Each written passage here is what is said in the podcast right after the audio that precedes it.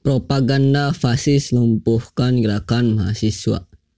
Lihatlah berita tentang mahasiswa di koran-koran hari ini. Aksi yang ber, berbuah kekerasan dan perkelahiran antara mahasiswa dan warga. Tak jarang muncul berita bagaimana mahasiswa melakukan perbuatan asusila di lingkungan kampus. Tidak ada berita yang sedikit positif adalah keberhasilan mahasiswa dalam berwirausaha mendapat modal sedikit lalu menciptakan bisnis yang berbuah laba. Kampus membesarkan mahasiswa tidak dengan kenekatan melainkan sikap untuk mematuhi semua aturan yang ada. Kini cobalah tengok berapa tinggi tembok dan pagar kampusmu itu dibangun. Berapa banyak satpam yang diminta menjaga lingkungan kampus. Apa tujuan semua itu? Untuk melindungi kalian dari apa? Apakah ada penembak misterius yang mau meledakkan kepala mahasiswa atau aksi anarki yang mengganggu kegiatan kuliah kalian atau jangan-jangan kalian khawatir diintip or orang luar kalau sebenarnya tidak ada kuliah dalam arti yang sebenarnya. Seluruh, seluruhnya itu hanya pertanda tentang keterasingan. Semuanya ini hanya punya satu pesan lugas. Kalian diawasi. Kampus memproklamirkan diri sebagai kumpulan barak. Dilatih mahasiswa untuk berpakaian sopan, mencukur rambut dengan rapi dan masuk dengan tertib. Susunan bangku berurutan dari depan ke belakang, berat, beratur dan terkendali. Seperti yang kubilang di awal, pekarangan kampus ditumbuhi tidak banyak dengan tanaman tapi juga papan larangan. Malahan ada pintu masuk kampus dican, ditancapkan gambar dosen-dosen yang yang jadi pejabat. Singkatnya, di bawah orde kapitalis, kampus sibuk merias dan berpamer diri. Memalukan jika kita menun, merunut pada sejarah pendidikan perguruan tinggi yang sejujurnya tak terlahir hir, ter, tak terlampau hirau dengan aturan penampilan apalagi ketertiban masuk kelas. Pendirian kampus selalu dikaitkan dengan mandat pembebasan, terutama kampus yang tinggal di negara yang masih punya problem kedaulatan. Walau sudah menyebut dirinya merdeka tapi makna hakiki sebagai bangsa berdaulat terkubur. Siapa yang bisa bilang bahwa bumi, air, dan kekayaan alam di dalamnya adalah milik negara? Seluruh ke kekayaan itu, kekayaan alam itu digadai dengan cara paling hina, dikontrak oleh pemerintah asing lalu diserahkan untuk dikelola perusahaan mereka. Mana itu pabrik gula, batik hingga pesawat, semuanya bangkrut dan lenyap. Yang, ad, yang ada hanya cerita sekaligus keprihatinan beberapa kalangan. Habibie pernah ungkapkan rasa cemasnya atas tidak adanya kebijakan apa pun soal pengembangan teknologi.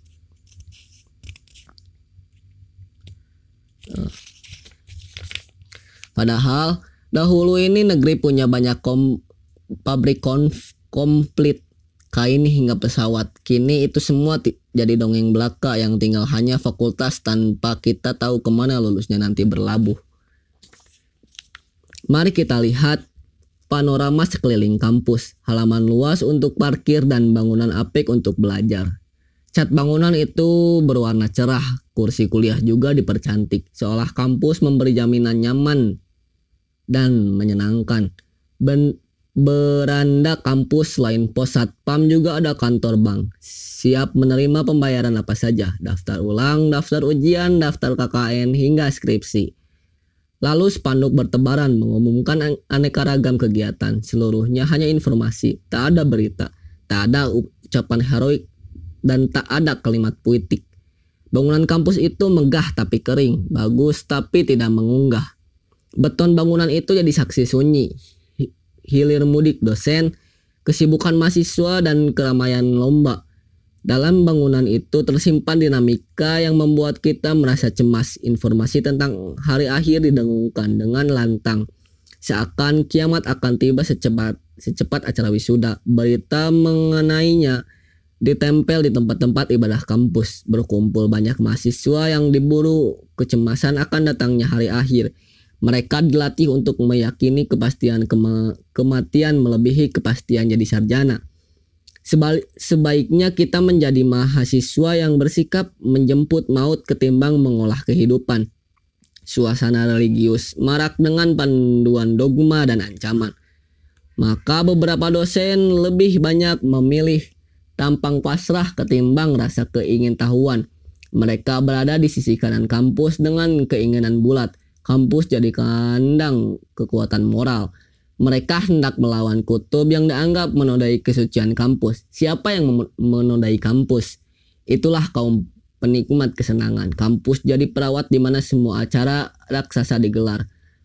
Pentas musik, pawai busana hingga pidato para pejabat. Tiap organisasi mahasiswa diperankan sebagai event organizer yang siap menerima pesanan acara apa pun. Maka sudut kampus ruang kampus hingga gedung seperti panggung yang bisa didayagunakan untuk pertunjukan apa saja. Malah kerap kali digunakan untuk festival makanan. Tak kalah hebohnya pameran semua komoditi dari mobil hingga busana. Perlombaan yang tidak ada pemenangnya itu makin menjadi-jadi ketika penerimaan mahasiswa baru. Di beberapa kampus, orang tua mengantar dengan rasa khawatir putra-putrinya ikut dalam acara penerimaan mahasiswa baru. Mereka takut akan ada penganiayaan atau penindasan pada anak-anak mereka. Gerombolan anak manja itu kuliah dengan modal berlebihan. Proteksi orang tua dengan kecemata, kecemasan atas ketidaknyamanan mereka. Dua aliran budaya ini bertemu de dengan minoritas mahasiswa yang gelisah, kritis, dan berang pada keadaan dijepit oleh arus yang saling meniadakan itu maka kampus jadi sangar yang menggelikan para penguasanya begitu cemas dengan mahasiswanya yang aktif di lembaga sedangkan yang tidak yang lain tidak peduli dengan keadaan. Buruknya seluruh mahasiswa itu diberi aturan yang seragam, tertib masuk, tertib bayar dan tertib busana. Kekacauan kian liar kalau kampus mulai ribut dengan keinginan mengontrol semuanya. Terjadilah hasutan, dan propaganda palsu. Yang pertama adalah keyakinan kalau mahasiswa tak perlu aktif di organisasi. Ini petuah gila yang ditebar lewat banyak pertemuan. Disebut kalau organisasi itu hanya buang waktu, buang kesempatan dan sia-sia. Maka muncul aturan paling naif, batas waktu untuk anak ikut organisasi. Sebuah kampus memberi ketentuan mahasiswa ikut organisasi dibatasi sampai semester 5 Malahan mereka bisa ikut organisasi kalau sudah semester 3. Bayangkan hanya tiga semester diperkenalkan ikut organisasi. Tak kalah berlebihan ada aturan bahwa syarat ketua organisasi harus punya IP tinggi. Syarat untuk menjadi presiden mahasiswa bukan nyali tapi kepintaran akademis. Tentu ada pula upaya untuk menahan mahasiswa baru agar tidak ikut organisasi. Mencontohkan kalau aktivis itu selalu telat menyelesaikan kuliah IP-nya selalu jeblok. Suasananya bikin ribut dan hal suas dan dan semua hal di demo. Seakan sebuah sebutan aktivis disematkan pada semua anak yang tak bernalar dan gila. Yang kedua, mementaskan anak-anak berprestasi. Iklan, spanduk, dan baliho kampus dipenuhi oleh anak-anak juara. Mahasiswa yang memenangkan kompetisi itu yang dipuja menang lomba debat, menang lomba riset, menang lomba busana, hingga menang lomba beasiswa. Anak-anak manis yang bisa meraih juara itu diciptakan perkumpulan. Organisasi yang khusus menampung para pemenang lomba tentu beda dengan organ gerakan. Tapi organisasi itulah yang disiarkan pada tiap pertemuan akbar. Figur-figur mereka diberi panggung untuk menjamu mahasiswa dengan pilihan hidup baru memiliki karir, memenangkan lomba dan terkenal ke mana-mana.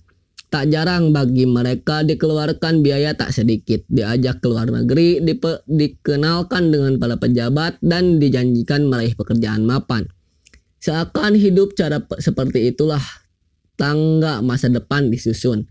Hidup dalam gerakan yang memusatkan perhatian pada aksi de, demi aksi dianggap kuno. Terbelakang dan tidak sesuai arahan zaman. Hiduplah seperti para juara yang mampu menoleh nama baik dan reputasi pada kampus.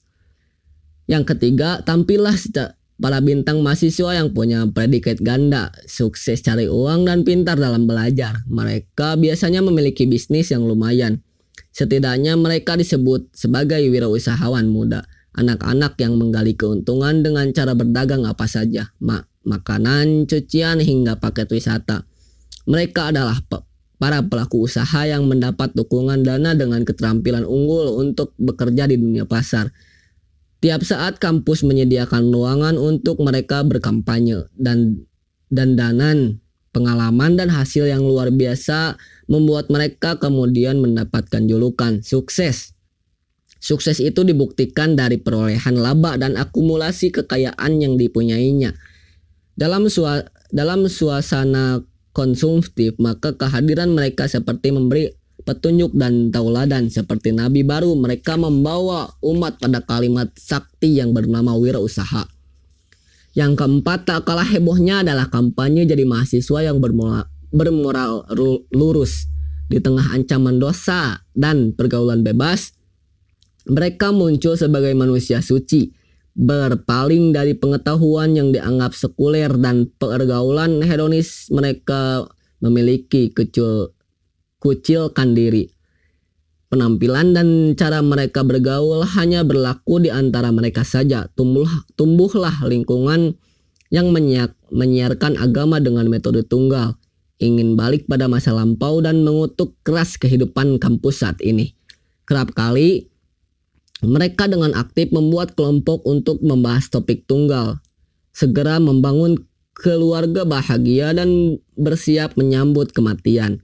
Efek paling menarik dari membesarnya kelompok ini adalah kajian kampus mulai mering, beringsut dari kehidupan dunia menuju lingkungan hari akhir. Yang diinginkan mereka bukan kampus demokratis, bebas dan terbuka, tapi lembaga yang berisi manusia baik dengan tidak tanduk, tindak tanduk yang tidak suka membantah. Semuanya itu memperluas pengaruh semua banyak Semuanya itu memperluas pengaruh melalui banyak kegiatan. Majalah, buletin, dan brosur mulai berisi du berisi dukungan atas status quo. Berita kampus lebih banyak didominasi dengan jadwal kegiatan dan siapa yang memenangkan kompetisi.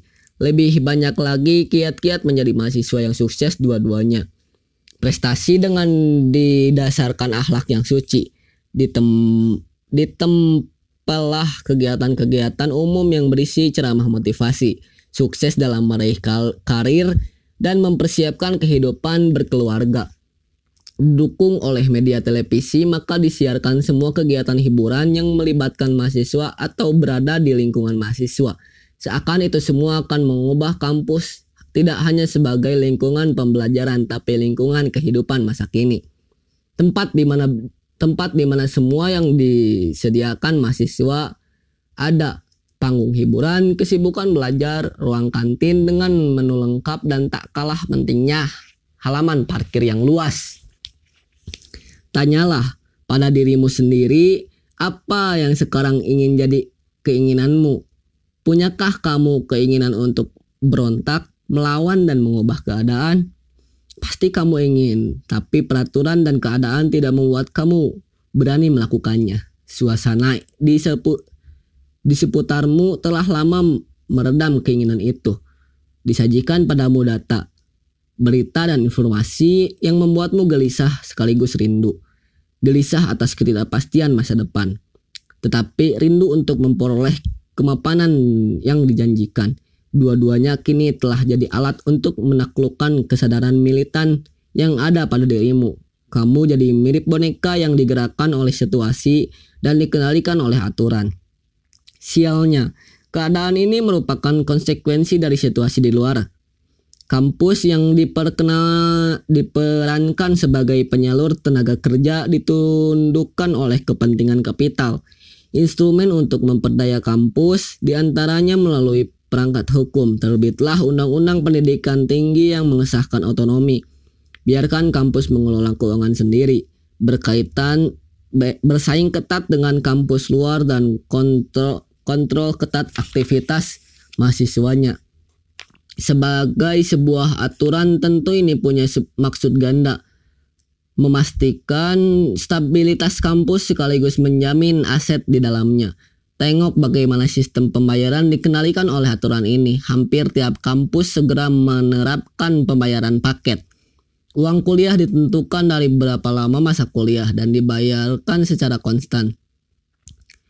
Sedari awal posisi mahasiswa sebagai barang jaminan yang digadaikan.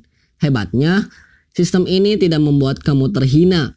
Undang-undang ini telah memuntahkan kalimat yang tanpa makna muncullah kata-kata seperti ini. Pemberdayaan, kebudayaan, daya saing, dan otonomi. Tujuan finalnya adalah peningkatan kecerdasan. Terlebih, Menteri Pendidikan dengan bersemangat mengatakan niat tulusnya. Semua kritik ditepis olehnya. Keterangan Menteri Pendidikan seperti guru dan seperti guru yang menjelaskan informasi pada semua orang bodoh. Mari sejenak kita baca jawaban Menteri Pendidikan pada semua kritik. Bagaimana dengan 74% anak yang tidak bisa kuliah di negeri ini? Oh, ada afirmatif agar semua perguruan tinggi negeri menyediakan bangku sebanyak 20% untuk anak-anak kita yang memiliki keterbatasan ekonomi.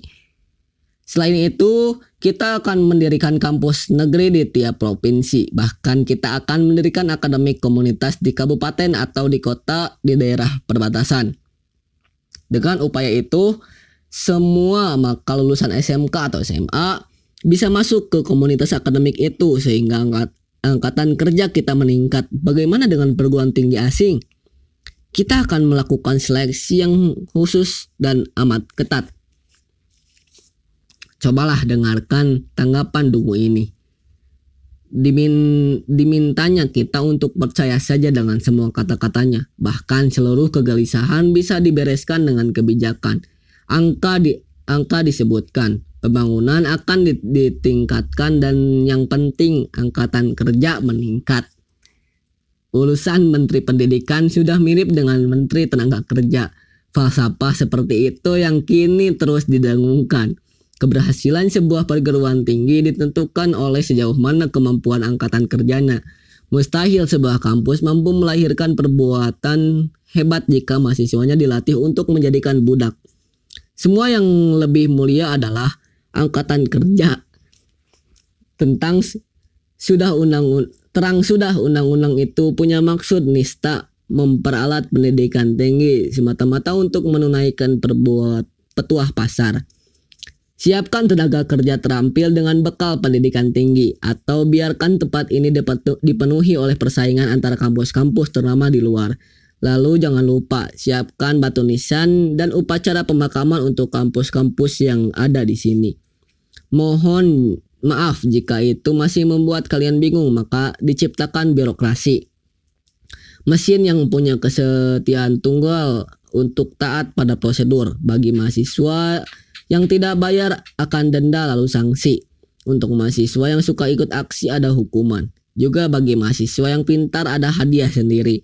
Minimal birokrasi jadi landasan untuk membuat kampus berjalan tanpa imi, im, imag, imajinasi dan letupan. Birokrasi itu pula birokrasi itu pula yang menjadi pipa penyalur banyak proyek di kampus. Maka normal jika posisi kepala jurusan hingga rektor jadi perebutan sengit. Para penguasa kampus itu mulai meyakini bahwa kekuasaan akademis juga berarti kuasa politik dapat digunakan sewenang-wenang dan tanpa kontrol mahasiswanya. Di situ tak ada lagi tak ada debat sengit tentang ideologi, konsep dan kurikulum. Ini barisan naif yang berjalan dengan moralitas kelompok, kecemata, kecemasan mereka semua sama bagaimana menaklukkan potensi militansi mahasiswa untuk didik, dididik biar menjadi seperti mereka, patuh, sopan, loyal, dan dungu. Itu yang membuat beberapa kampus kini menjabat pejabatnya jadi tersangka kegiatan korupsi.